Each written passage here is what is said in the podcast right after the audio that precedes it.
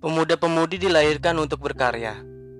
Pemuda-pemudi dilahirkan untuk memberikan sebuah penghargaan untuk dirinya sendiri.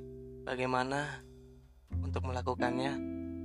Coba deh kita introspeksi diri kita.